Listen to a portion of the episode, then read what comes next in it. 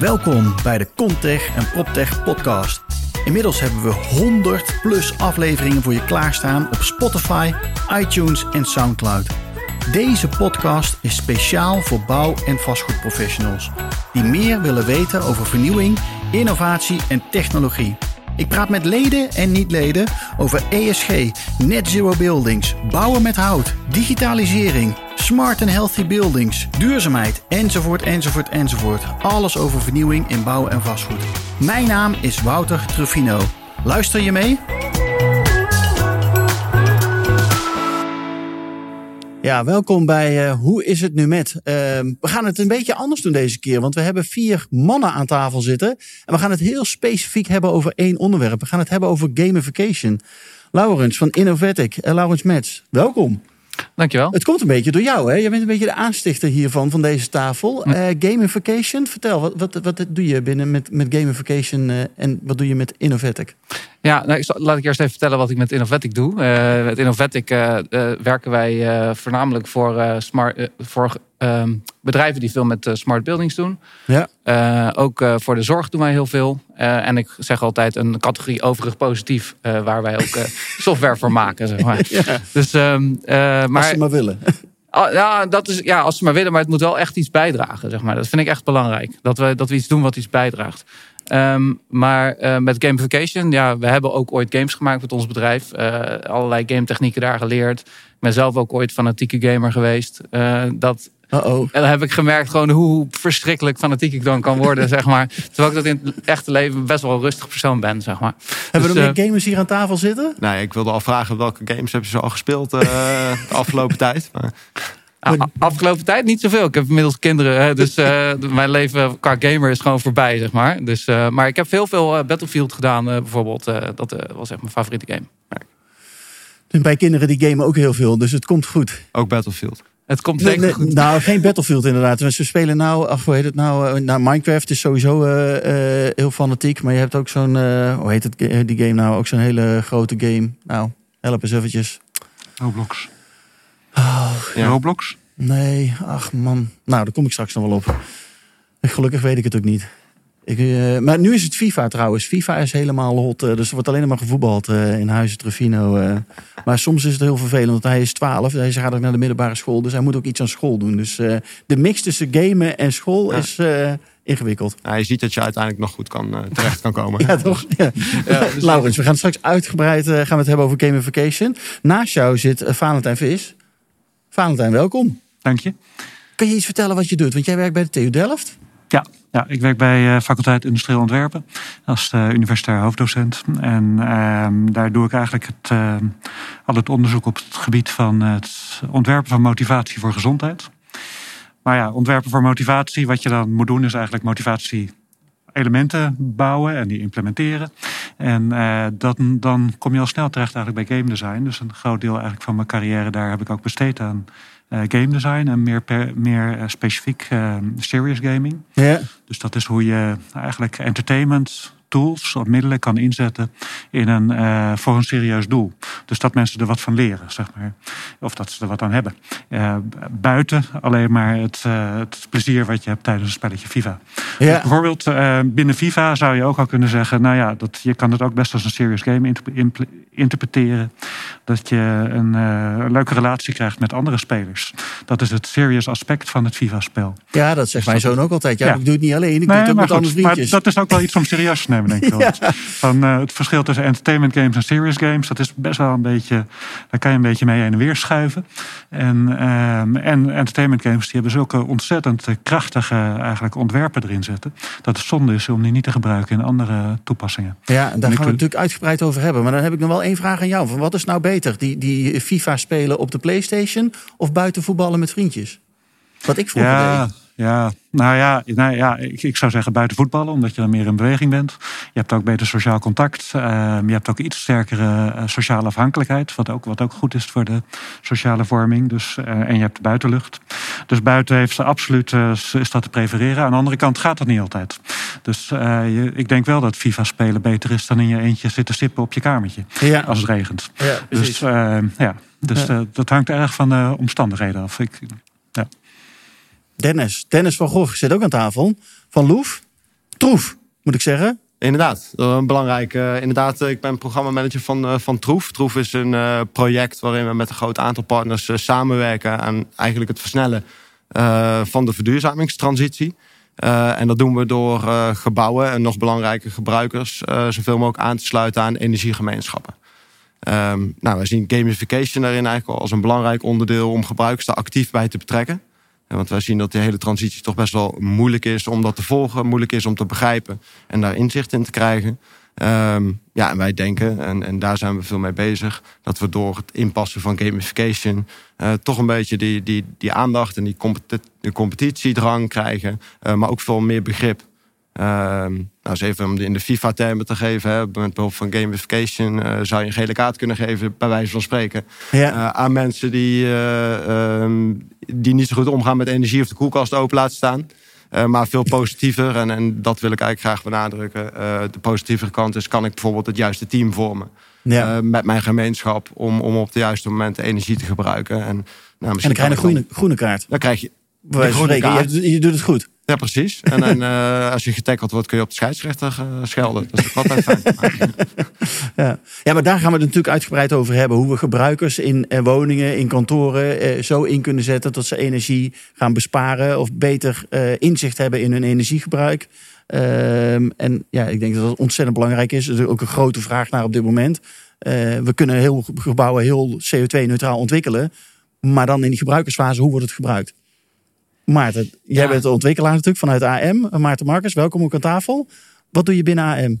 Ja, ik ben manager duurzaamheid bij AM. Dus ik werk al zeven jaar aan, aan die duurzaamheidstransitie op verschillende onderwerpen, waaronder energie, maar ook circulariteit, klimaatadaptatie, biodiversiteit, mobiliteit. Het is heel veel geworden ineens, duur, duurzaamheid. Ja. ja. Uh, en uh, uh, eigenlijk willen we een volgende stap zetten naar klimaatpositief. Dus meer een impactstrategie. Want op al die onderwerpen ja, kan je heel veel waarde toevoegen, betekenis hebben voor de toekomst van de wereld, maar ook voor een wijk voor een, en voor een bewoner. En daarom hebben we dit jaar ook een nieuwe duurzaamheidsdoel erbij, naast die, die ik net noemde. En dat is de eindgebruiker. Want je ziet dat de ontwikkeling op al die ter, terreinen zo hard gaat. Dat het uh, gevaar is dat je die eindgebruiker eigenlijk een beetje. Uh, dat er een kloof ontstaat. En dat dus die woningen niet goed gebruikt worden. Dan wel, ja, inderdaad, de kans die er is dat het een vliegwiel-effect heeft. Dat mensen die gaan naar zo'n nieuwe wijk wonen die super duurzaam is dat die juist ermee aan de slag gaan en meer gaan doen met elkaar. Ja. Dat is eigenlijk de kans die we zien. En daarom hebben we dat als duurzaamheidsdoel, waar we ook met die bewoner en die eindgebruiker impact willen maken, opgeschreven. Uh, maar die kans, ja, die, die, uh, die moeten we wel gaan, uh, gaan inkoppelen. Die bal moeten we gaan inkoppelen, maar weer naar FIFA te gaan. ja. Mooi. Ja, want eigenlijk ben je als ontwikkelaar, zou je kunnen zeggen van, joh, we ontwikkelen iets, we geven de sleutel en we rennen heel hard weg. maar jij zegt van, nou, we moeten veel meer die eindgebruiker ook betrekken in die gebruikersfase en hem bewust maken hoe die dat pand wat wij ontwikkeld hebben uh, zou moeten gebruiken. Zeker, ja, ja want dat is uh, eigenlijk de stap um, naar. eigenlijk zit daar ook de bewijslast. Hè? Dus als het een, een, een, gebouw en een gebied, want wij zijn gebiedsontwikkelaar, als die duurzaam gebruikt worden en mensen ook samen ermee aan de slag gaan. En dat de les waar dat vandaan komt, is dat we nul op de meterwijken hebben gerealiseerd. En omdat we zo erg met energie bezig waren. En ook dashboarding en informatie. Dus daar, waren we al bezig met, nou, nog niet heel erg gamification. Maar, maar wel al die, die data ontsluiten en mensen meenemen. En wat deden die bewoners na opleving? Die gingen, gingen groene daken maken met elkaar. Hè? waarom doen ze dat? Maar het geeft, het geeft aan dat die potentie, die impact, als je mensen met elkaar verbindt rondom gemeenschappelijke, nou, in mijn geval duurzaamheidsthema's, dat ze dus meer gaan doen en daarover gaan hebben. En, en, en daar zit gewoon een enorme daar zit heel veel winst. Ja, heel veel winst. Ja. Nou ja, die burgerinitiatieven, denk ik dat dat echt uh, ongelooflijke bronnen is waar nog uh, veel te weinig uit geput wordt. Uh, ik denk dat we veel meer mensen kunnen meekrijgen, ook in die, in die modus. Zeg maar. maar dat mensen missen handvatten, is mijn idee. Hoe bedoel je dat, Laurens? Ja, het is, um, ook als ik in mijn eigen wijk kijk. Uh, ik zou heel graag zou ik daar de biodiversiteit willen verhogen. Uh, dat vind ik echt een heel belangrijk topic ook. Want dat zorgt uiteindelijk voor de balans uh, in de wereld. Ja. Um, maar eh, als ik dan kijk zo van naar die perkjes die er allemaal staan. Dan denk ik allemaal, is een monocultuur, zeg maar. Dus dat er staan eigenlijk bijna alleen maar dezelfde soorten planten en, en, en bomen. Dus dan denk ik van ja, het zou heel. Ik ben nu ook bezig in mijn wijk om mensen zover te krijgen. Omdat we gewoon samen gewoon aan guerrilla gardening gaan doen. Zeg maar. Dat betekent dus dat je gewoon zaad. Dat iedereen eh, iets anders doet. Precies, en, en gewoon zaad koopt eh, in de winkel en gewoon overal een beetje zaadbommen gaat strooien, zeg maar. Ja, dat lijkt me gewoon mooi. Als dan overal gewoon gekke bloemen staan en zo. Dus, eh, en biodiversiteit. Ja. Ik ben het net gestart, dat initiatief. Maar dat gaat, er, zijn ook al in Nederland initiatieven als de Guerrilla Gardeners. Zeg maar, waar je gewoon zaadpakketten kan kopen. En ook relatiegeschenken kan, eh, kan kopen voor eh, Nou. ja, je zakelijke partners. Maar ja, daar gaan we het over hebben. Hoe we mensen bij elkaar krijgen. Hoe mensen ook enthousiasmeren om aan de slag te gaan. En eh, om misschien wel patronen te doorbreken. Om, eh, eh, om dingen te verbeteren. Waar ligt de behoefte uiteindelijk? Want de- dat is misschien de eerste vraag. Ligt de behoefte bij de ontwikkelaar? Of ligt die behoefte ook daadwerkelijk bij de mensen die daar daadwerkelijk gebruik van moeten maken? Ja, ik denk, ik denk eh, de behoefte ligt op heel veel vlakken. Dus aan de ene kant bijvoorbeeld, nou neem bijvoorbeeld gemeentes die, die zien, op, of het nou klimaatadaptatie is, dat is wel een goed voorbeeld voor de gemeente Zwolle bijvoorbeeld. En die, de, we hebben echt wijken, daar moeten we echt mee aan de slag. En als je dan niet iets be- bedenkt van hoe die eindgebruiker daar ook bewust van is, niet zijn tuin gaat volstraten.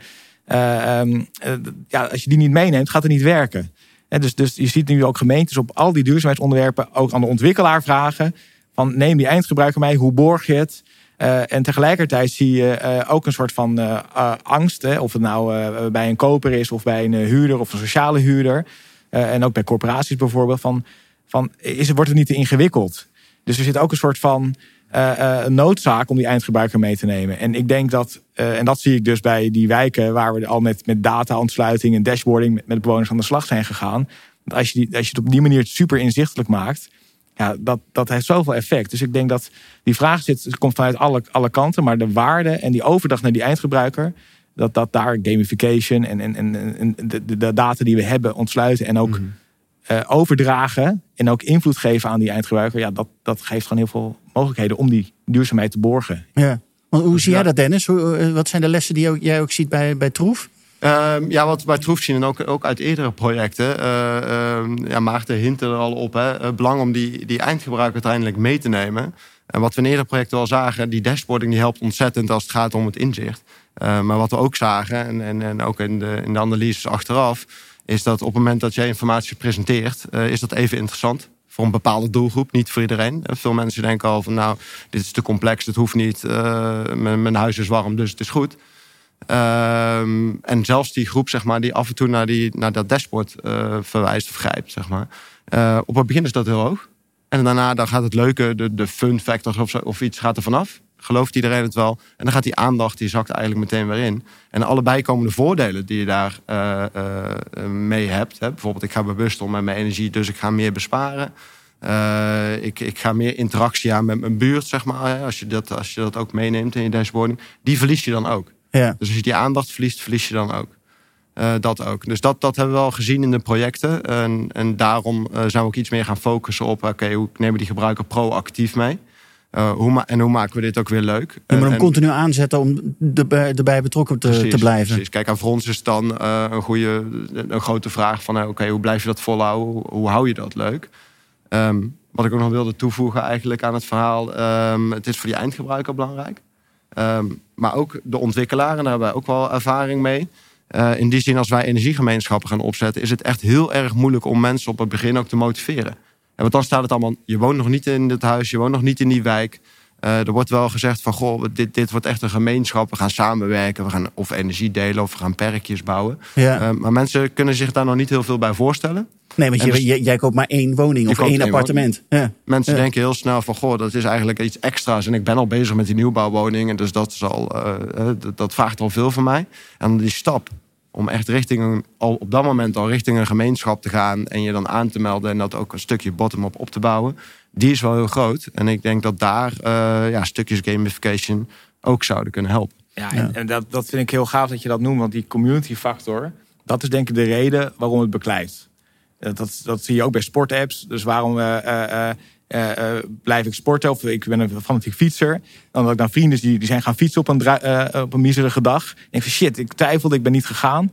Weet je wel, dus dat helpt. Dus die community factor helpt. En het is ook best wel logisch dat, dat we zijn ook begonnen met een participatie- en placemaking team. Die dus al van voordat er ook maar iets is opgeleverd, begint met die community bouwen. En nou, dat koppelen aan die duurzaamheidsthema's.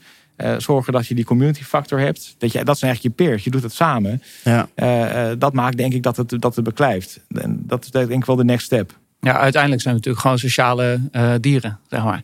Hè, dus groepsdieren. Dus we willen graag eh, aan elkaar eh, eh, eh, gemeten worden, zeg maar. Eh, ik denk dat het ook heel belangrijk is om altijd te bedenken. Je had het net heel, heel erg over de eindgebruiker, eindgebruiker. Dat is echt een heel, heel goed uitgangspunt, vind ik zelf. Eh, dat je ook de juiste beloningen, de relevante beloningen van de eindgebruiker onderzoekt.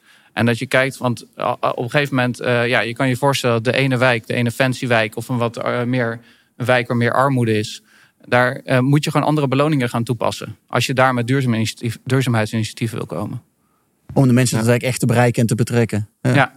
Valentijn, hoe zie jij dit vanuit een wetenschappelijk eh, eh, nou ja, punt, zeg maar? Nee, ik was, eh. eh, le- leuk gesprek. maar dit klopt allemaal niet, jongens. Vertel. Nee, ja, nou ja, wat, wat, wat in ieder geval mij wel goed lijkt, is om na te denken over. ehm, het gaat nu over de uitgebruiker meenemen. Maar dat is, ik denk niet dat dat genoeg is. Eh, maar uiteindelijk wat je wil voor een ehm lange termijn gedragsverandering, want dat is eigenlijk waar je op zoek naar bent. Hè. Duurzaamheid is altijd een beetje dubbel. Dat betekent aan de ene kant eh, klimaatvriendelijk, aan de andere kant betekent het ook iets van de lange termijn. En een lange Ja, termijn je moet het vasthouden natuurlijk. Want we kunnen Ja, inderdaad in een game gaan leren van... joh, we moeten eventjes energie Ja, lange termijn games, die, Maar- ja, dat, dat is voetbal, maar geen FIFA, zeg maar. Eh, dus lange termijn interventies, die, die, die heb je niet zo snel. Ja, ik denk met, met bouwen, zeg maar, een gebouwde omgeving, als je dat als interventie ziet, dat kan je wel zien als een lange termijn interventie. Maar die zou je ook zo moeten ontwerpen dat die ook permanent voor de lange termijn bepaald gedrag eh, faciliteert. En eh, game design, dat is vaak, die werkt heel erg goed op de korte termijn. Dus die kan prima eigenlijk iedereen verleiden tot bijna elk gedrag eh, voor een week, zeg maar, of voor een dag. En mensen doen de raarste dingen voor geld, zeg maar, om te beginnen. Ja. Dat, is, ja, dat blijkt ook uit veel studies. Bijvoorbeeld, nou, iets wat ik vaak noem is. Nou, ik niet hoor. Nou ja, zegt wel eens als- van, joh, zou je bungee jumpen? Nou, niet voor een miljoen. Echt niet. No dan way. doe je het voor punten en stickers. ja, Dan kun je ook vaak niet. winnen- dat doe ik niet. Nee, maar crackverslaving bijvoorbeeld. Mensen die echt zwaar verslaafd zijn aan harddrugs. Ehm, ja, die krijg, die krijg je bij- bijna niet ervan af. Eh, dat is heel lastig. Maar als je ze geld geeft en je eh, verdubbelt het hoeveelheid geld die je geeft iedere week, dan kunnen ze ongeveer anderhalve maand kunnen ze los van die harddrugs. De Echt waar? zwaarste verslaafden. Ja, het, is, het is heel lastig om dat politiek erdoor te krijgen natuurlijk, want je betaalt Ja. je betaalt een verslaafde. Maar het is wel een heel effectief middel. Dus, en dat betekent ook, of dat toont eigenlijk aan dat je met game design heel sterk die, die eerste klap kan geven eigenlijk. Of de eerste sturing. Maar daarna dan moet je het eigenlijk hebben van dat mensen eh, dat doen omdat ze het zelf belangrijk vinden. En dan gaat het niet meer om het meenemen van de eindgebruiker, maar om het over te dragen. En dat is denk ik een cruciale stap ook in, het hele, in de hele discussie. Dan Dus moeten in het begin kan je ze meenemen. zijn om ermee aan de slag te gaan? Ja, dus ik denk dat dat het heel goed is om ze eerst te motiveren en op het juiste eh, spoor te zetten, zeg maar, of de juiste mogelijkheden te tonen. En vervolgens moet je het zorgen dat ze het eigen kunnen maken. En manieren om eigen te maken, dat is die sociale omgeving. Want dat, dat, dat is iets wat losstaat van, het, van, van de bouwers of los Mhm. van de ontwerpers. Jij zet eigenlijk de mogelijkheden neer en daarin hoop je dat die sociale eh, omgeving en sociale motivaties kunnen gaan ontstaan en floreren. Ja. Dus daar kan, je, daar kan je wel wat mee. Maar na een tijdje dan moet, je- moet je echt wel zorgen dat, dat die gebruikers dat uit zichzelf gaan doen en jou niet meer nodig hebben. Dus je moet ook zorgen in, het, Mm.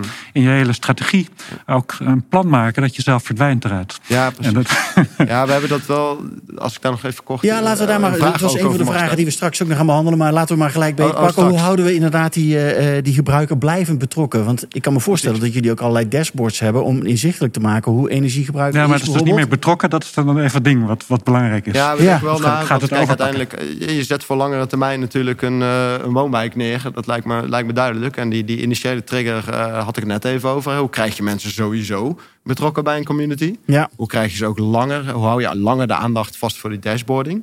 Ehm, nou ja, goed, uit, onderzoek blijft ook dat, dat gamification daarin ook zijn limiet heeft. Maar waar we ook over na moeten denken en wat we ook doen, is eh, na een tijdje organiseer je zo'n community. Eh, die moeten we inderdaad zichzelf leiden. Die moeten eigenlijk later bijvoorbeeld komen met een initiatief van... oh, nu willen we groene daken. Of, eh, ehm, ja, zodat je daar gewoon een blijvend collectief eigenlijk hebt. En daarin is voor ons nog een vraag... Ja, hoe kunnen we bijvoorbeeld elementen van gamification ook daarin gebruiken... om de community Om nieuwe te- elementen toe te voegen. Ja, om de community. In ieder geval, eh, Of nieuwe elementen zou een van de oplossingsrichtingen zijn. Hè? Dat je gewoon constant eigenlijk eh, aanreikt. Zeg maar, wat zou een vervolgstap kunnen zijn voor deze community? Dat kan heel veel kanten op gaan. Hè? Deelmobiliteit, perkjes, iets op je basisschool, eh buurt, Ja. barbecue. Ik, weet, ik noem even gewoon een, een scala. Ja. Ehm, maar belangrijk daarin, het belangrijkste is eigenlijk hoe hou je die community gemotiveerd. Ehm, en kan gamification dan helpen in die motivatie, maar ook gewoon in die organisatie.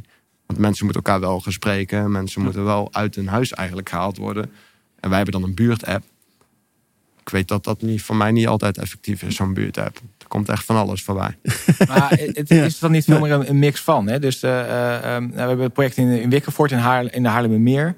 Daar hebben we dus ook een community, een community app. Dus eh, geen buurt, maar community. Daar zit ook de deelmobiliteit en andere dingen. Maar dat is, dat, je hebt dus digitaal ontsloten. Ook duurzaamheid daarin meegenomen. Eh, maar er zijn ook gewoon eh, buurt, we hebben een buurtvereniging, die hebben ook gewoon bijeenkomsten.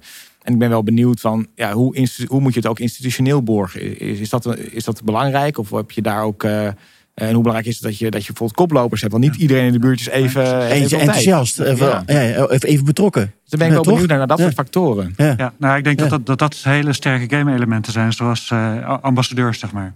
Dus mensen die de, die de kar gaan trekken of die het leuk vinden om een initiatief eh, op te zetten. En die kan je vinden in een wijk. En eh, die kan je ook ondersteunen in je, in je, in je wijkplan. En ehm, als je dat doet, dat zijn manieren, denk ik, om dat eigenaarschap eigenlijk en ook de hele motivatie voor die gedragsverandering over te dragen. Dus ja, ook voor die langere termijn. Ook voor de lange termijn, ja. ja, ja. Ja. En een ander element wat, wat veel gebruikt wordt voor de lange termijn. Hebben we ook een, ik, ik heb twee projecten lopen op lange termijn motivatie. Eh, eentje gaat meer over eh, hoe kan je nou mensen meer autonomie geven voor, hun, voor hunzelf. Om iets om een gedrag vol te houden. Want gezondheid is net zo. Dat wil je eigenlijk je hele leven volhouden in plaats van eh, een maandje Even, naar de even een paar maanden van de krek af. Ja. Maar een ander is ook storytelling. Dat is ook een element wat heel, heel sterk werkt. Dus dat je een soort van geschiedenis opbouwt met elkaar. Een identiteit opbouwt in zo'n wijk. En dat je dat faciliteert op een of andere manier. Door ah, eh, een, een perkjes aan te leggen. Die dan specifiek zijn voor. Of die passen bij de preferenties van de mensen die daar wonen. Die daar, die daar zelf een eigen smaak in etaleren. Of tekeningen op muren. Eh, ja, eh, een wijkprogramma op de televisie of op, de, op het internet. Dat, dat soort dingen, zeg maar. Dus mensen Verhalen maken geven. over wat er gebeurt in zo'n wijk. Ja, ja. en die Ja. verhalen ook de kracht geven dat die, dat die de betrokkenheid bij, voor de bewoners van die wijk eh, versterkt. Want dat is het, het, Hm. het effect van verhalen.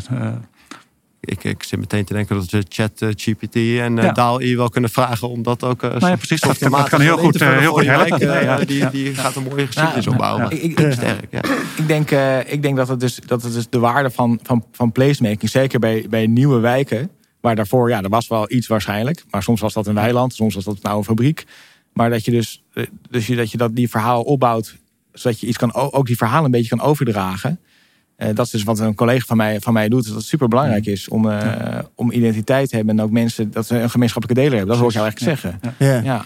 En Maar daar, kan je, daar kan je ook zo'n doel in, eh, in integreren in die identiteit. Bijvoorbeeld een duurzaamheidsdoel. Ja. Van, eh, Ja. wij, wij zijn goed bezig met z'n allen. En, eh, jij doet dit, jij doet dat. Je kunt de toekomstige stap in het verhaal al laten zien. Ja, bijvoorbeeld. Ja. Nou, dat, dat, dat is eigenlijk dus een van de één gamification techniek. Precies, Hè? ja. Storytelling. Ja, ja. Zo heb je heel veel technieken zeg maar, om, eh, om die gamification eh, op gang te krijgen. Zeg maar, of het gedrag van mensen op gang te krijgen. ja, want wat is de werkwijze om tot een gamification te komen? Eh, Als we even een stapje ja, teruggaan. we gaan, eh, wat, wat wij doen, is wij, ja, wij analyseren dus de, eh, wie is de eindgebruiker. Voor wie doen we het eigenlijk? We, we, we kijken daarna wat, de, wat een relevante beloning is voor, de, voor deze eindgebruiker. En daarna, ja, je hebt eigenlijk een soort van. wij gebruiken altijd een bepaald wiel waar allerlei. Eh, ja, gamification wheel, Octalysis heet dat, geloof ik. Ehm, en eh, daarin kijken wij welke. Wat eh, kunnen we met het wiel? Ja. welke Waar is het wiel? Daar staat is onderverdeeld, geloof ik, in, dus in acht, acht sectoren, acht gebieden. Ja. En daar heb je elke keer zie je dus een bepaalde gamification techniek die je daaruit kan kiezen. Nou, storytelling is er eentje. Eh, bijvoorbeeld eh, eh, voortgang in een game. Als je dus ergens al iets in geïnvesteerd hebt. Bijvoorbeeld met een ja, met standaard World of Warcraft of een andere RPG. Dan heb je dus al je character, heb je al zoveel in- energie ingestoken. Dat het gewoon zonde voelt om hem weg te doen. Dus ga je er nog meer energie in steken. Dus ga je nog steeds verder zeg maar, van het punt af dat je er eigenlijk uit, uit wil stappen. Dus dat is, dat is ook een techniek. Ja, en eigenlijk is het gewoon, wij kijken dan altijd, onderzoeken altijd van wat is dan de juiste techniek. Kijk, er zit natuurlijk nog heel veel. Je kan niet zeggen van ik neem deze techniek en dan werkt het. Zeg maar. zo, dat, zo werkt het niet.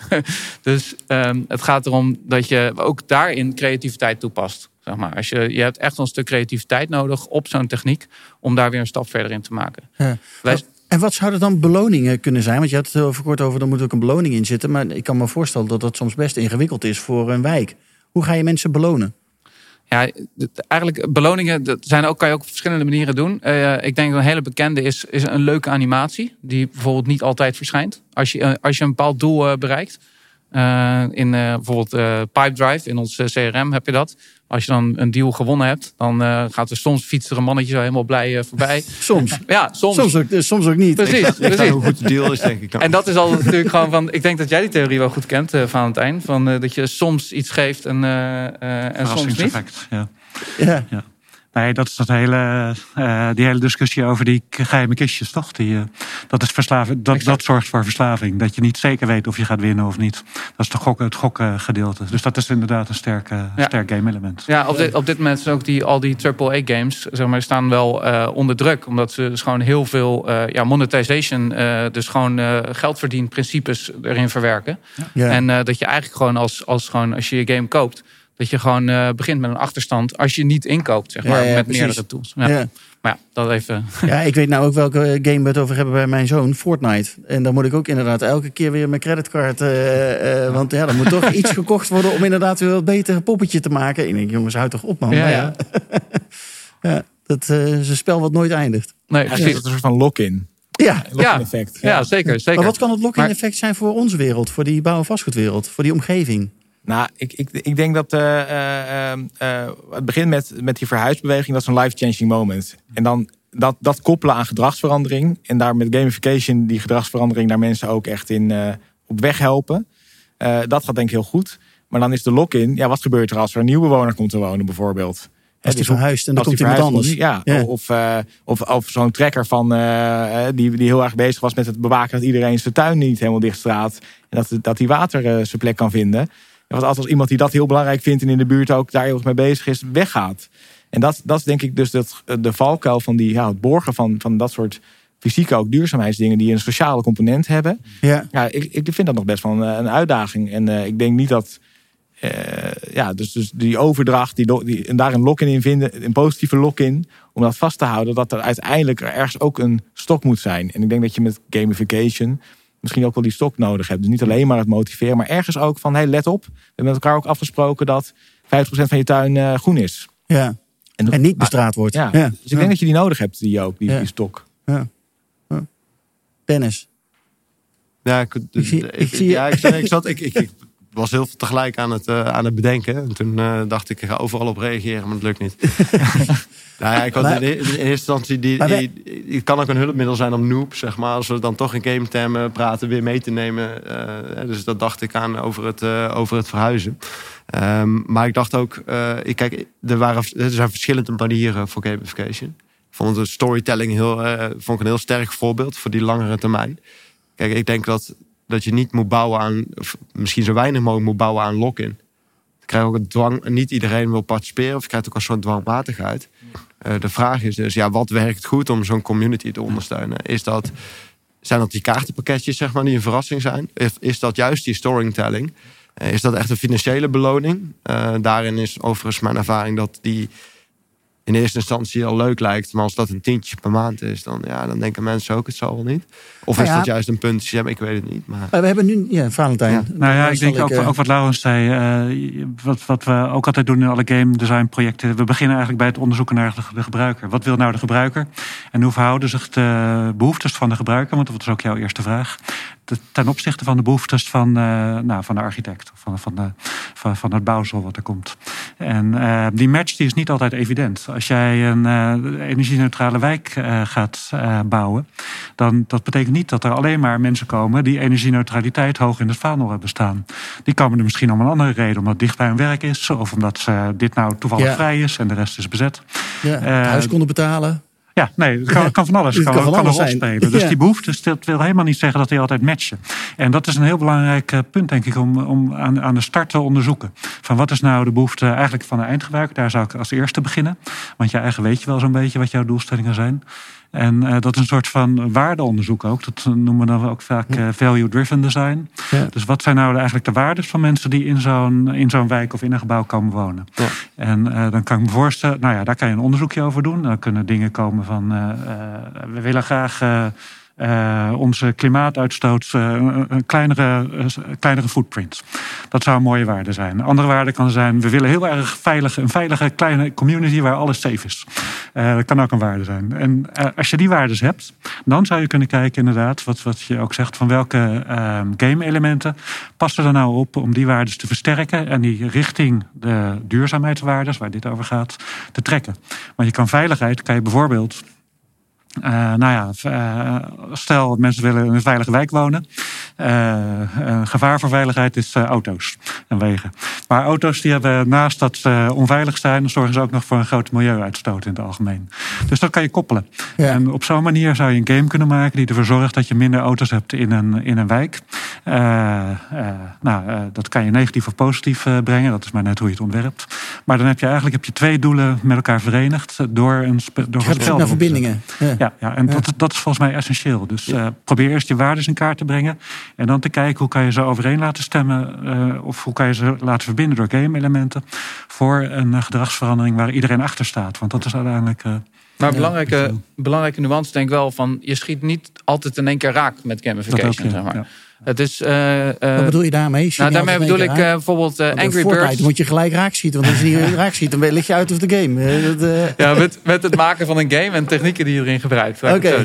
Want bijvoorbeeld Angry Birds vind ik al een heel goed voorbeeld. Voordat Rovio, dat is het bedrijf achter Angry Birds, zeg maar, die hit maakte, hadden ze al 40 games die volledig mislukt waren. ja. En daarna kwam ineens die klapper. En dat kan je niet altijd helemaal voorspellen, zeg maar. Dus ik zeg, vind wel altijd, bijvoorbeeld ook als je dan die waarde hebt onderzocht, hè, dat je dan daarna echt live gaat op een gegeven moment met het systeem. Eh, Er zit natuurlijk een hele tijd tussen. Maar dat je daarna ook blijft meten hoe het gebruikt wordt. nee, precies. Of het En- werkt. en- ja, Ja. en blijven itereren op, eh, als, het- als het niet werkt. zeg maar. Ja. Het kan een beetje wegzakken op een gegeven moment en brengt weer wat nieuws erin. Dat zijn allemaal methodes daarvoor. Om het wel relevant te houden. Nou ja, en co-creatie natuurlijk. Je, je maakt die ontwerpen, je ontwerpt die elementen samen met de bewoners. Dat, is, dat doe je ideaal gezien. Want dan, Nou, we hebben natuurlijk een. Want je, jij begon ook, eh eh, Valentijn, met eh, dat fi- financieel een enorme trigger kan zijn. Nou, we hebben natuurlijk Voor die de oorlog in. eerste eh, stap, Wat ja. zei je? voor de eerste stap. Voor de eerste stap. Nou, ja. Ja. we- en, eh, dat wilde ik ook zeggen. Want we Mhm. hebben natuurlijk die oorlog in Oekraïne nu eh, aan de hand. De gasprijzen stijgen enorm. En je ziet ineens dat mensen een eerste stap gaan maken Ja. om een woning te gaan verduurzamen. Precies. Maar dan kan gamification misschien wel helpen. Want die gasprijzen gaan ook weer een keertje dalen. Althans, dat hoop ik. Eh, een klein beetje. Het is nu misschien het een beetje te extreem. Eh, maar blijven we dan bewust dat we met die verduurzaming bezig blijven? Want nieuwbouw is misschien makkelijker om dit toe te passen. Maar bestaande bouw is natuurlijk een enorme uit- uitdaging. Nog. Ja, zeker. Ik, ik, ik denk dat wat, wat ik ook wel uit jouw punt eh, meeneem, is ehm, eh, dat je eigenlijk de, wijs, de, de, de kennis die eigenlijk de, de eindgebruiker al heeft, dat je daar eigenlijk mee vanuit moet beginnen. En dus een adaptieve architectuur moet maken in je gamification. Eh, en dat vind ik eigenlijk wel een, eh, een, een inzicht. Want wij doen heel veel onderzoek aan de voorkant. Welke mensen willen hier wonen? Dan testen we ook uitgangspunten van het project. Dat noemen we crowd, eh, crowdsourcing. Dus echt, soms hebben we projecten waar wel 10.000 mensen hebben ingeschreven. Dan heb je een behoorlijke, behoorlijke crowd om eh, kennis op, uit op te halen. Maar dat is ook een enorme mooie input kan dat zijn. Om te zeggen, oh hier zitten valkuilen. Kunnen we daar iets op ontwerpen? Of hier zitten juist kansen. Mensen die dat heel graag willen. Ja. Deze doelgroep wil heel graag. Deze doelgroep niet. Dus ik vind dat eigenlijk al heel, een heel gaaf... eh, dat je vanuit, vanuit, die, vanuit die kennis van die eindgebruiker juist begint. In plaats van eh, je, vanuit je, je toch een beetje ook wel soms top-down doelen. Over Ja. duurzaamheid of over Ja, dit is wat wij als ontwikkelaar neerleggen op zo'n gebied. Ja, of gemeente en ontwikkelaar. Ja, ja. heeft ook doelen die ze willen bereiken met een, eh, met Ja. een nieuwe wijk. Dus ik vind dat eigenlijk wel een hele, hele belangrijk, belangrijk stap, startpunt. Ik denk dat we die vaak toch wel overslaan. Dat we heel erg bezig zijn met een soort van doel in, in, in gedachten. Terwijl we niet eens weten waar die eindgebruiker misschien staat. Ja. Nee, dat noem je ook wel eens de touchpoints, zeg maar, binnen je eindgebruiker. En, en dan heb je ook nog dat eh, de momenten daarin. Want het is dan dus per type eindgebruiker kan je kijken. Maar eh, eindgebruikers die veranderen ook de hele tijd. Hè? Dat zijn geen uh, objecten. Die, uh, maar, maar die zou veranderen. wel fijn zijn. dat maakt het makkelijker. Ja, het zou heel makkelijk zijn. Maar zo is het nou helemaal niet. Nee. en omdat ze veranderen, zou, moet je ook de hele tijd nou ja, adaptief bezig blijven. Ja. Om ze in de loop te houden. En om, nou om, te, om te zorgen ook dat, dat, dat, dat de doelen die ze eigenlijk voor ogen hebben. Dat je, daar, dat je, dat je daarop aansluit met je, met En, je interventie. En dan kan je heel goed kijken naar wat zijn dan binnen die, dat mandje van, van potentiële eindgebruikers. Of, of mensen die al ergens in een bestaande complex wonen. Ja. Wat zijn dan daarin misschien wel de koplopers? Ja. Welke lopen achter? Want de, men- de koplopers hebben al lang een wo- woning verduurzaamd. En die hebben al lang Ja, zonnepanelen die zijn, genomen. precies. Ja. Dus, dus de mensen die dat nu gaan doen, dat zijn, niet, de- dat zijn de mensen die, eh, die houden dus blijkbaar nog een extra prikkel nodig. Misschien ook het voorbeeld van die koplopers. Maar er zijn ook nog mensen die nog, eh, nog steeds afwachten. Ja. Dus ik denk dat we, dat we daar ook misschien eh, ook, ook bewust van moeten zijn. Je kan niet iedereen mee, meenemen, maar je moet, moet vooral zorgen dat je begint met die voorbeelden. En dan gaat misschien die tweede groep op een Ook, eh, mee. En die hebben misschien weer andere prikkels nodig. Dat kan weer goed, ja. Ja. Dan hebben we eh, dus op een gegeven moment hebben we die game staan. Maar hoe maken we hem dan actionable inderdaad, dat mensen er daadwerkelijk ook gebruik van maken? Tot het een, nou ja, wat jij net zegt, een, een succesvolle game wordt, een Angry Birds game wordt. Ja, daarvan, dan ligt het eraan voor wie het maakt. Hè? Dus we hebben het nu heel erg over woonwijken en dergelijke. Dus ja, ja in dat geval eh, van woonwijken, daar zou je. Eh, dan kan je dat al introduceren bij, eh, bij zo'n eh, bij een introductieborrel of iets. Dan kan je, kan je het daarover hebben. Ehm, het is wel ook weer belangrijk dat wie, wat voor groep is dat? Hè? Want een rijke buurt is iets heel anders dan een buurt met veel armoede. Dus ehm, ja, hoe maak je dat dan succes? Ik zou zeggen, introduceren, met de mensen gaan praten, wat ze ervan vinden. Eh, vervolgens eh, iets eh, maken, zeg maar, waarvan, jij, van, waarvan wij denken dat het aansluit. Ja. En daarna het meten, dat adaptief zijn. Ja, blijven meten, want dat is echt zo belangrijk. Want hoe, hoe vroeg in het proces zou jij betrokken willen worden, zeg maar? Ja, bij de, bij de ID-fase. Dat, eh, dus dat we echt over de, echt met de eindgebruiker al gaan praten. Eh, ja. Zodra de eindgebruiker erbij betrokken wordt in het eh, hele ontwikkelspel van, het- van een nieuwe wijk, van een gebied, eh, dan wil jij betrokken zijn en dan kun je eh, mee in al je hele denkproces om zo'n game te ontwikkelen, zeg maar. Ja, zeker. Ja. Ja. Ja. Ja. Ja. Ja. Ja. het hoeft niet eens eruit te zien als een game. Hè? Dus dat is ook al, dat is misschien een beetje. Het, het kan ook gewoon, eh, kunnen ook gamification technieken zitten in iets wat er niet uitziet als een game, maar meer als een, als een handige tool. Zeg maar. maar Ja. wat je daardoor wel veel gaat gebruiken. Verhaal, Zou jij wat voorbeelden kunnen geven? Want je doet dit ook in de gezondheidszorg volgens mij. Doen jullie toch veel of niet? Ja, ja. Ja. Ja, eh, Wat zie je daar gebeuren?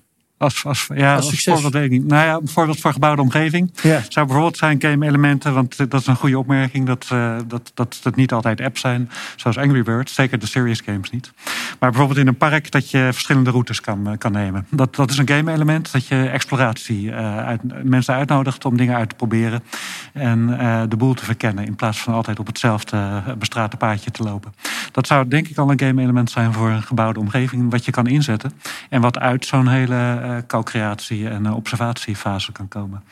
Ehm, even kijken, je vroeg voorbeelden vanuit de gezondheidszorg. Ja, nou ja, kan ook. Ja. ja. Eh, Kunnen we daar iets van leren als bouw- en vastgoedwereld? Dat is misschien een betere vraag. Oh ja. Nou, wat Ehm, ik zelf interessant ja. vind trouwens, is wat we Ja. doen bij eh, het LUMC met de thuismonitoring. Misschien kan je dat uitleggen dat we die vier groepen Ja, hebben. met profielen. Ja. Ja. we hebben daar een, eh, een project, daar werken we samen in eh, met Laurens eh, voor het LUMC. Dat is voor thuisrevalidatie van mensen na een hartinfarct. En dan zie je heel sterk dat ze vlak na de hartinfarct zijn ze heel gemotiveerd om, eh, om goed voor zichzelf te zorgen. Een oude ongezonde leefstijl eh, af te wenden. En, eh, Ja, want dan ben je ineens heel bewust. zijn. Nou ja, even een ja, klap ze gehad en dan denk je, doodzaak in dit niet ogen meer. Ja, Ja, en ja dat, precies. eh, zijn ze van geschrokken. Dus dat, heb, dat is een heel mooi eh, window of opportunity, noem je dat dan, voor een gedragsverandering. Alleen gaat die ook weer heel snel dicht. Want, Oh, eh, nou ja, zodra mensen dan eh, twee maanden gezond zijn, dan denken ze, nou, het, het gaat wel weer goed. Dus eh, het is ook voor een deel pech. Je weet nooit, oorzaken zijn nooit 100% zeg maar. Het is altijd eh, dit beetje van dit, beetje van dat en, eh enzovoort. Dus eh, dan verval je al heel snel in het oude gedrag. En eh, wat we hier hebben gedaan in, in groot onderzoek is... eh, gekeken naar patiëntprofielen. Dus welke groepen zijn nou heel trouw aan het uh, revalideren en welke zijn minder trouw? En daar, komen, daar kwamen vier groepen uit, uh, die ook op een, op een andere manier gemotiveerd kunnen worden. Dus de meest trouwe groep die is heel erg gemotiveerd op data, zeg maar, wat je al noemde, informatie en kennis. Uh, dus die willen heel graag de hele tijd meten van hoe gaat het met mijn hart en heb ik wel genoeg stappen gezet? slaan mijn medicatie, slaat het goed aan? En dan houden ze een grafiekje bij over een jaar. Daar is allemaal mooie tools zijn ervoor. En dan zien ze inderdaad van, nou ja, het gaat goed. En dan houden ze dat vol. Die kan je eigenlijk op die manier aan de lijntje houden, zeg maar. Of die gaan op die manier zichzelf zorgen. Ja, Dan heb je ook nog een groep en die eh, vinden eigenlijk die hele technologie en al die cijfertjes best wel ingewikkeld. En... Uh, ja, die nou, slaan daar dus niet op aan. Nee, dat kost sowieso heel veel tijd om dat zich eigen te maken. Dus dan heb je een cruciale beginfase die, waar het vaak gewoon misgaat. Want dan heb je mooie tools ontwikkeld, je hebt een mooie game ontwikkeld, maar ja, mensen snappen het niet of ze hebben er even geen tijd voor. En dan vervolgens uh, gebruiken ze het nooit meer. Dus dat, is het, dat noem je ook wel eens het onboarding van een game, zeg maar. Dus mensen aan boord krijgen. En uh, als dat niet werkt, omdat je informatie te complex is, of het komt op het verkeerde moment, of, bij, in, nou ja, of in de verkeerde vorm, dan, uh, dan mis je daarmee ook een hoop. Dus dan zou je eigenlijk, je, eigenlijk zou je moeten kijken van welke groepen bestaan er allemaal zo'n beetje uh, op, op zo'n op zo'n doel. In dit geval ging het om uh, medicatieadherentie en revalidatieadherentie. Ja. En uh, hoe kan je nou voor ieder van die groepen de meest passende service bieden die aanslaat. Dus en die is dus elke keer dan anders? En die is iedere keer anders, ja, ja. ja, precies. Hm. Dus de ene die is heel erg gebaat bij, uh, ja, bij cijfers en bij een beetje self-experimentation daarmee. De andere die wil juist uh, van de dokter horen af en toe, nou het gaat heel goed. En als je ongerust voelt, uh, bel me dan.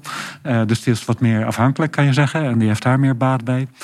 andere groep die zou misschien de hele tijd wat game-elementen willen, zoals beloningjes die je krijgt, financiële prikkels. En op die manier kan je dan, nou ja, kan, kan, je, kan je in ieder geval zorgen dat je groepen voor een, voor een jaar aan hebt staan. Dat, dat, dat doen we in, dat, eh, in, dit, in dit project. En dat is onderdeel uit een groot project. Waarin we kijken van hoe verschillen nou die groepen. Want het, na een jaar, dan kunnen die cijfertjes ook wat minder interessant worden. Ik weet niet, jij vertelde dat je fietste. Je zit misschien ook op Strava. Ja, ja. Strava is aan de ene kant is het heel erg uh, cijfer gebonden natuurlijk. Je ziet je gemiddelde, je afstanden, je statistieken enzovoort. Maar het heeft ook een hele grote sociale functie.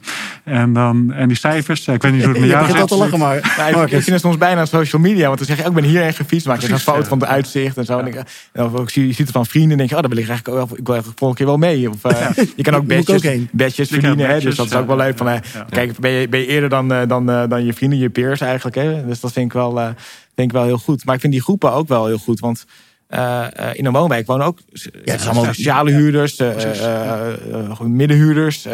Er zitten misschien wel in een flatgebouw een penthouse, maar er zitten ook studio's. En, en, en, en, dat lijkt me wel heel lastig om iets te maken wat dan voor, voor allen werkt.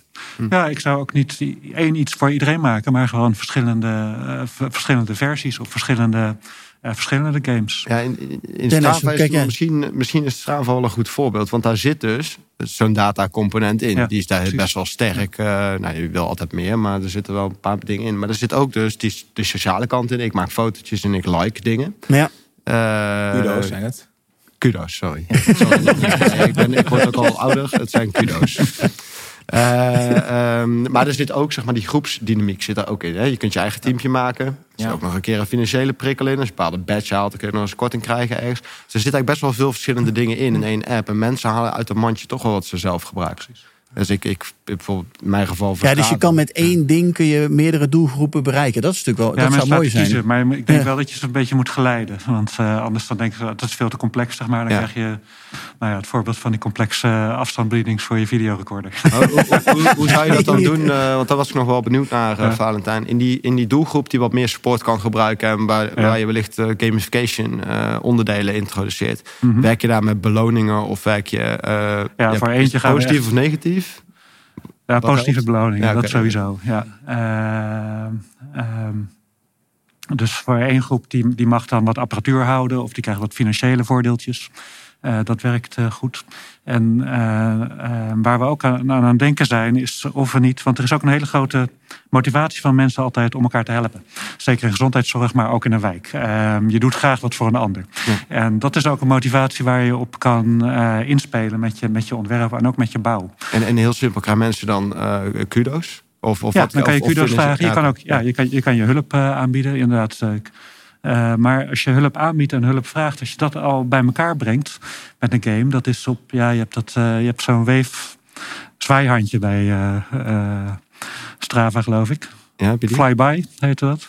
Oh ja. ja. Ja. Maar dat werkte nooit zo Die- goed, zeg maar. Die gebruik jij niet, Marcus. verborgen. kan je met iemand afspreken sommige- om elkaar tegen te komen en even snel te zwaaien als je Ja? zelf de route... Ja, als je, niet, mag, als je Ja. niet mag, heb je ook een middelvinger. Dus, eh, Maar daar moet je best wel mee uitkijken. Maar ja, wat wel belangrijk is, denk ik. Want ik denk dat die sociale component, zeker in deze context, super belangrijk is. En dat dat er echt. eh, ja, die gebouwde omgeving zeker. Want ja, je- wil dat mensen elkaar ook ontmoeten en way to aansteken go. om dingen... eh, Ja. Precies. En ik denk wat je dan als eh, ontwerper eh, zou doen, is mensen ook taken geven en verantwoordelijkheid geven. Daar hebben we het nog niet- over gehad, maar dat is achterliggend vaak een groot eh, doel, ook bij gezondheid en ik denk ook bij een woonomgeving, om mensen eigenaar te voelen van die omgeving. Niet alleen van hun eigen oppervlak of van hun eigen kleedje en bank, maar van de hele omgeving en daar ook verantwoordelijkheid voor maken. Bijvoorbeeld dat je je eigen tuinparkje gaat inrichten. Of dat je, eh, eh, dat je, dat je voor de energiehuishouding van je hele gebouw zorg draagt in plaats van alleen maar voor jezelf. Ja.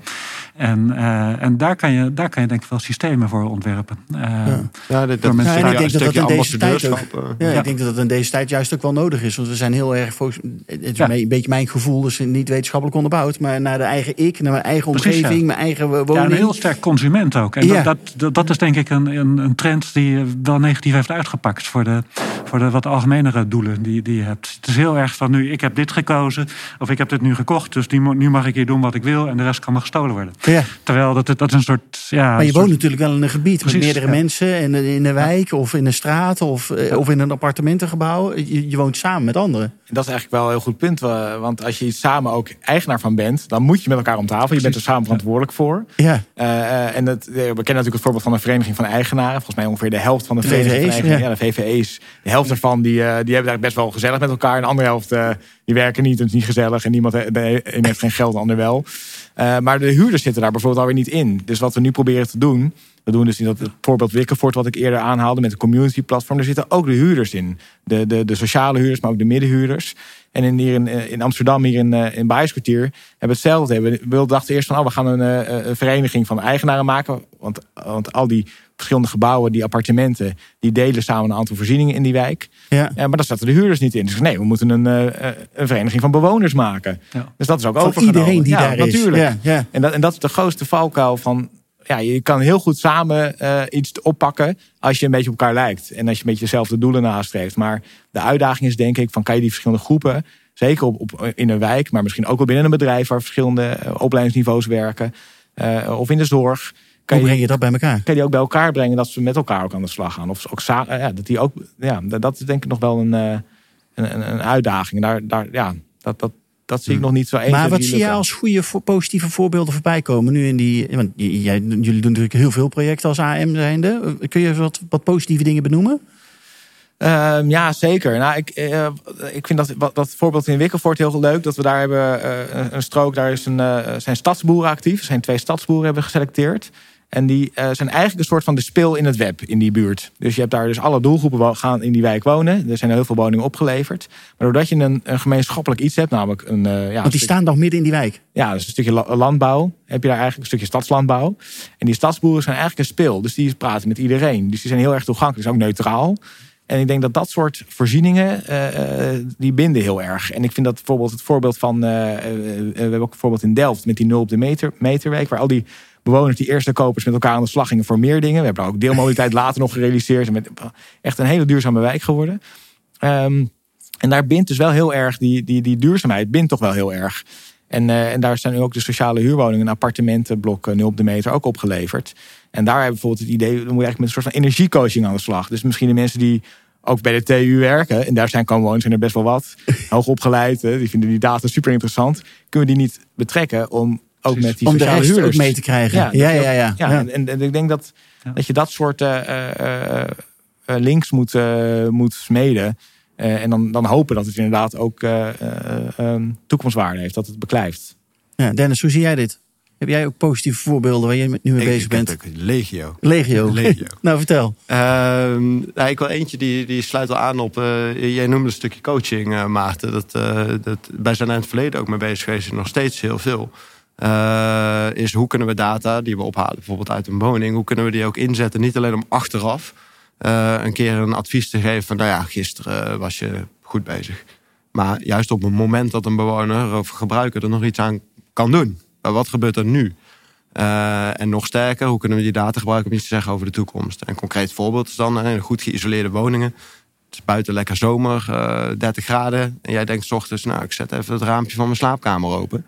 Op het moment dat we dat detecteren, gewoon door, door te kijken naar wat gebeurt er met de temperaturen bijvoorbeeld in de woning, mm -hmm. dan zou je al proactief richting de bewoner een signaaltje kunnen sturen van... goh, meneer, mevrouw, uh, u zet uw raam open... maar dan krijgt u vannacht een hele warme slaapkamer. Dat ga je niet meer wegkoelen, je kunt er wat bij uitleggen. Ja. Misschien is het beter om hem dicht te doen. Zo gaan we echt proactief coachen. En dan heb je niet een systeem wat alleen maar reageert... maar wat ook echt iets voor jou kan betekenen. Nou, zo kun je nog meer kaas verzinnen. Ja. Ehm, dus daar zijn we ook al actief mee. nou, dat kun je ook allemaal mooie cognitieve computing aan verbinden... zodat je een beetje op een normale manier met je huis kan praten. Dus dat is een stukje toekomst misschien. Um, dat ontwikkelen we echt actief door. Een stukje AI voor je woning. Het tweede, uh, waar we nog wat recenter mee bezig zijn geweest... we hebben het veel over de woningbouw en de, en de energiegemeenschappen die daar gebouwd worden komt ook steeds terug van ja, er zijn verschillende doelgroepen, is best complex. En datzelfde dat zien wij in utilitaire gebouwen. Dus daar passen we het ook toe. Daar heb je ook gebruikers, uh, daar hebben we beheerders, we hebben eigenaren. Uh, je hebt een werkgever vaak uh, als, dat, als dat je kantoor is. Ja. Um, al die groepen moet je ook verenigen achter het doel om ook zo'n kantoor uiteindelijk te verduurzamen. Dat ligt nog een gigantische opgave, ook aan die kant van, van de gebouwde omgeving. Um, nou, wat we recentelijk hebben gedaan, en ook met Innovatic uh, samen, uh, is gekeken van nou, uh, hoe kunnen we ook daar een soort gamification gebruiken om nou, zowel degene die op de werkvloer is, als ook de gebouwbeheerder te betrekken. bij de verduurzaming. En dat zijn allemaal mensen die, die werken daar, die krijgen gewoon een salaris. die hebben niet een direct financieel voordeel nee. van, van het verduurzamen. Um, nee, want die zitten op een werkplek en die denken: Weet je wat, ik druk hier even op de thermostaatklop, want het is een beetje koud, het is 20 graden, laat ik hem even lekker op 23 zetten. Nou, want dat vind ik een fijne, fijne temperatuur. En dan heb je een prima werkdag gehad, maar jouw werkgever of de eigenaar van dat pand, die betaalt de energierekening. En daar heb jij geen last van. Nou ja, ster sterker nog, als we in gesprek gaan met, met uiteindelijk de eindgebruikers en we gaan aangeven van goh, we gaan, uh, we gaan het comfort verbeteren en uh, we gaan ook feedback geven via dashboards en dergelijke, dan is reactie nummer één is van oh, nou ga ik eens opletten. Oh, het is eigenlijk wel koud. Ja. Oh, het hele gebouw functioneert voor geen meter. Oh, de luchtkwaliteit is niet goed. Oh, er zijn eigenlijk allemaal problemen. Oh, jullie hebben het slechter gemaakt. Hè? Dat is eigenlijk reactie nummer is dat één. Is, mensen echt waar? Ja. ja vaak uh, in veel installaties, uh, daar kan nog van alles aan verbeterd worden. Daar, zijn, uh, daar, daar, is de installatiesector hard, hard mee bezig om dat ook te doen. Ja. Um, en de softwarelaag die kan daarbij helpen. dus daar steken we natuurlijk op in. Dus wat we nu veel aan het doen zijn, is hoe kunnen we feedback geven? Dat is eigenlijk al stap nummer één. Hè, voordat we allerlei uh, uh, AI gaan toevoegen om optimalisatie te doen. Is hoe gaan we nou goede feedback geven? Hoe gaan we die gebruikers betrekken? Nou, wat we recent uh, hebben gedaan in de kantoren van BAM.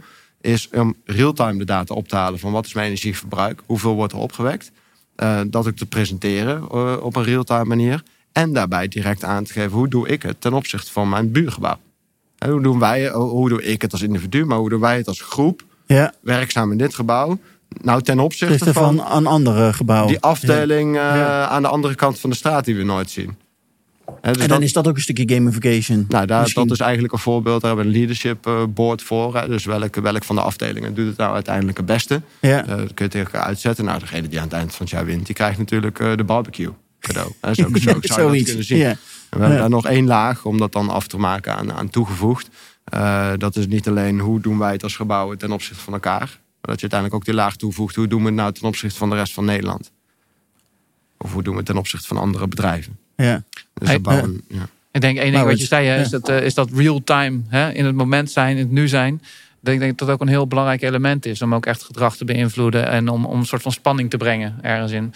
Je kan je bijvoorbeeld voorstellen als je een, eh, een voetbalwedstrijd hebt hè, en uh, mannetjes rennen gewoon achter een bal aan. Af en toe valt hij daar in goal, daar in goal. Maar je ziet de score niet. Je zit 90 minuten lang zie je de score niet, wat, hoeveel het staat.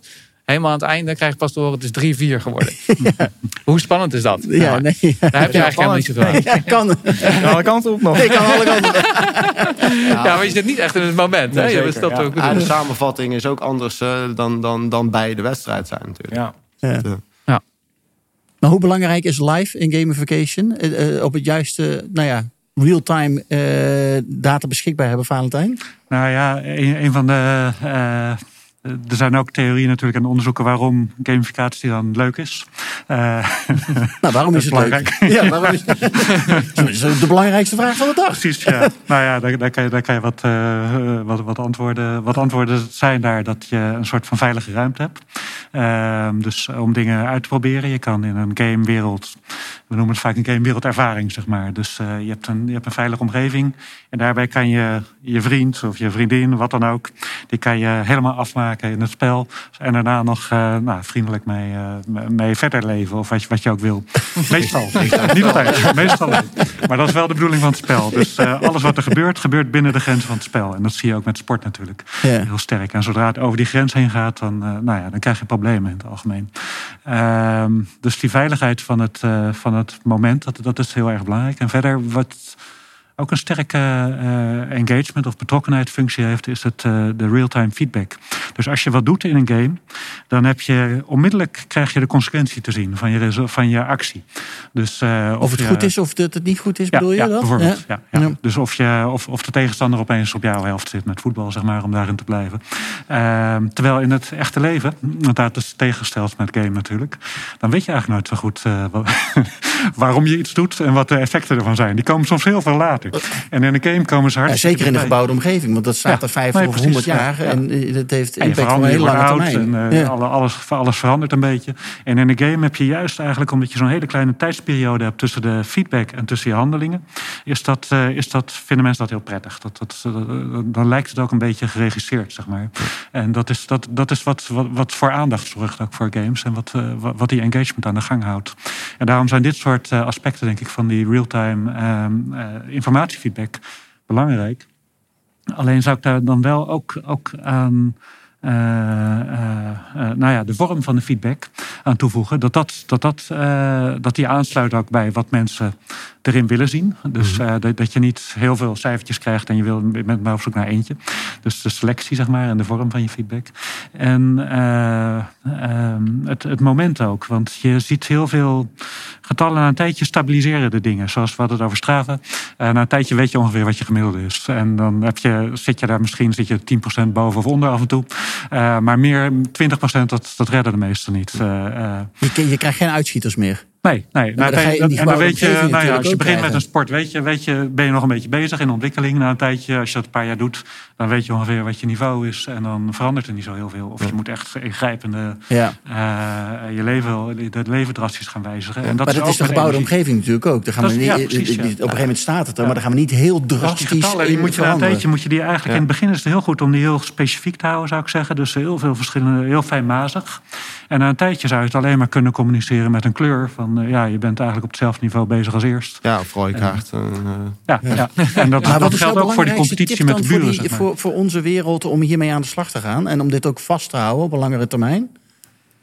Uh, nou ja, dat je dus uh, die, die uh, datafeedback in, in het begin heel sterk geeft om de aandacht erop te wekken, dat het belangrijk is. vervolgens dat je die data op zo'n manier arrangeert. Dat het heel makkelijk uh, uh, te zien is of je nog op de goede weg bent zoals je wil of niet. En dat kan door een hele simpele feedback, zeg maar. En dat je daarna uh, eigenlijk zorgt voor de spin-offs waar jij mee begon.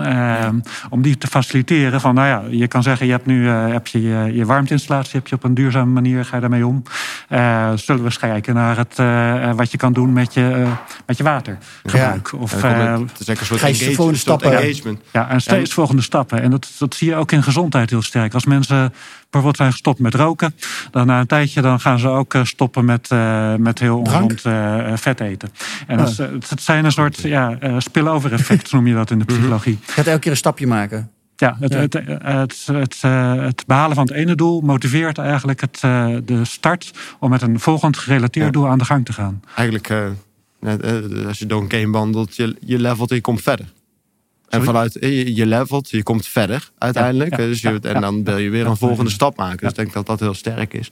Ik, ik, ik vroeg me nog af. Um, Uh, want ik, ik leer heel veel bij, uh, ook op dit moment. Hè. Wij zijn dit best wel pragmatisch ook gestart. Hè, met het idee ja, gamification. Zoals Laura al zegt, ja, je moet er wel mee aan de gang gaan. Want dan leer je er uiteindelijk het meeste. Dus zo hebben wij dit ook, uh, het initiatief bij BAM in ieder geval ook ingestoken. Um, en in, in, in, dat licht, hè, dus we kunnen bijleren. Ik vroeg me af, wij presenteren nu redelijk nog wat data. Dat kan wel worden verbeterd. Maar wat denk je dan van uh, bijvoorbeeld echt die datagedreven coaching? Echt het op zoek gaan naar hoe vind ik nieuwe triggerpoints eigenlijk voor die gebruiker?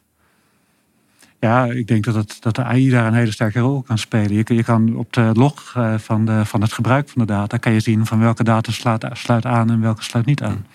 Dus dat doe je toch, denk ik. Ja, ja, precies. Nou goed, of dat eigenlijk een manier is zeg maar, om die engagement echt vol te houden. Ja, nee, zeker. Nee, ik zou dat in het begin super strak monitoren van uh, wat werkt bij welke persoon op welk moment.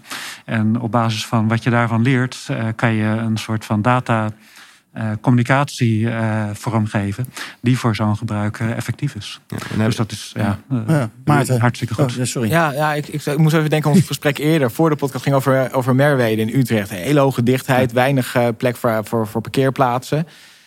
dus daar moet je absoluut daar heel veel informatie geven aan mensen die gaan wonen. Of je nou huurder of koper bent. Ja, je, kan, je, je hebt er heel weinig plek voor auto's. Dus Um, uh, en, en er zijn heel veel alternatieven. En heel veel mensen kennen die alternatieven misschien nog niet. Hè. Dus deelmobiliteit uh, gaan dat voor het eerst daar gebruiken. Dus daar, daar, zit, daar kan gamification enorm bij helpen. Maar wat natuurlijk heel erg belangrijk is, omdat je niet, je gaat verhuizen, life-changing moment, window of opportunity. Dat soort, uh, dat is echt een belangrijk moment. Je, gaat, je neemt geen auto mee of je gaat die niet kopen. Terwijl je dat misschien anders wel had gedaan in een andere wijk. Ja. Um, en de belangrijkste indicator voor, voor autogebruik is autobezit best wel logisch. Want als je geen auto hebt, dan ga je, nee. uh, dan ga je ook meer met de trein, ga je meer fietsen. En misschien pak je ook af en toe een deelauto.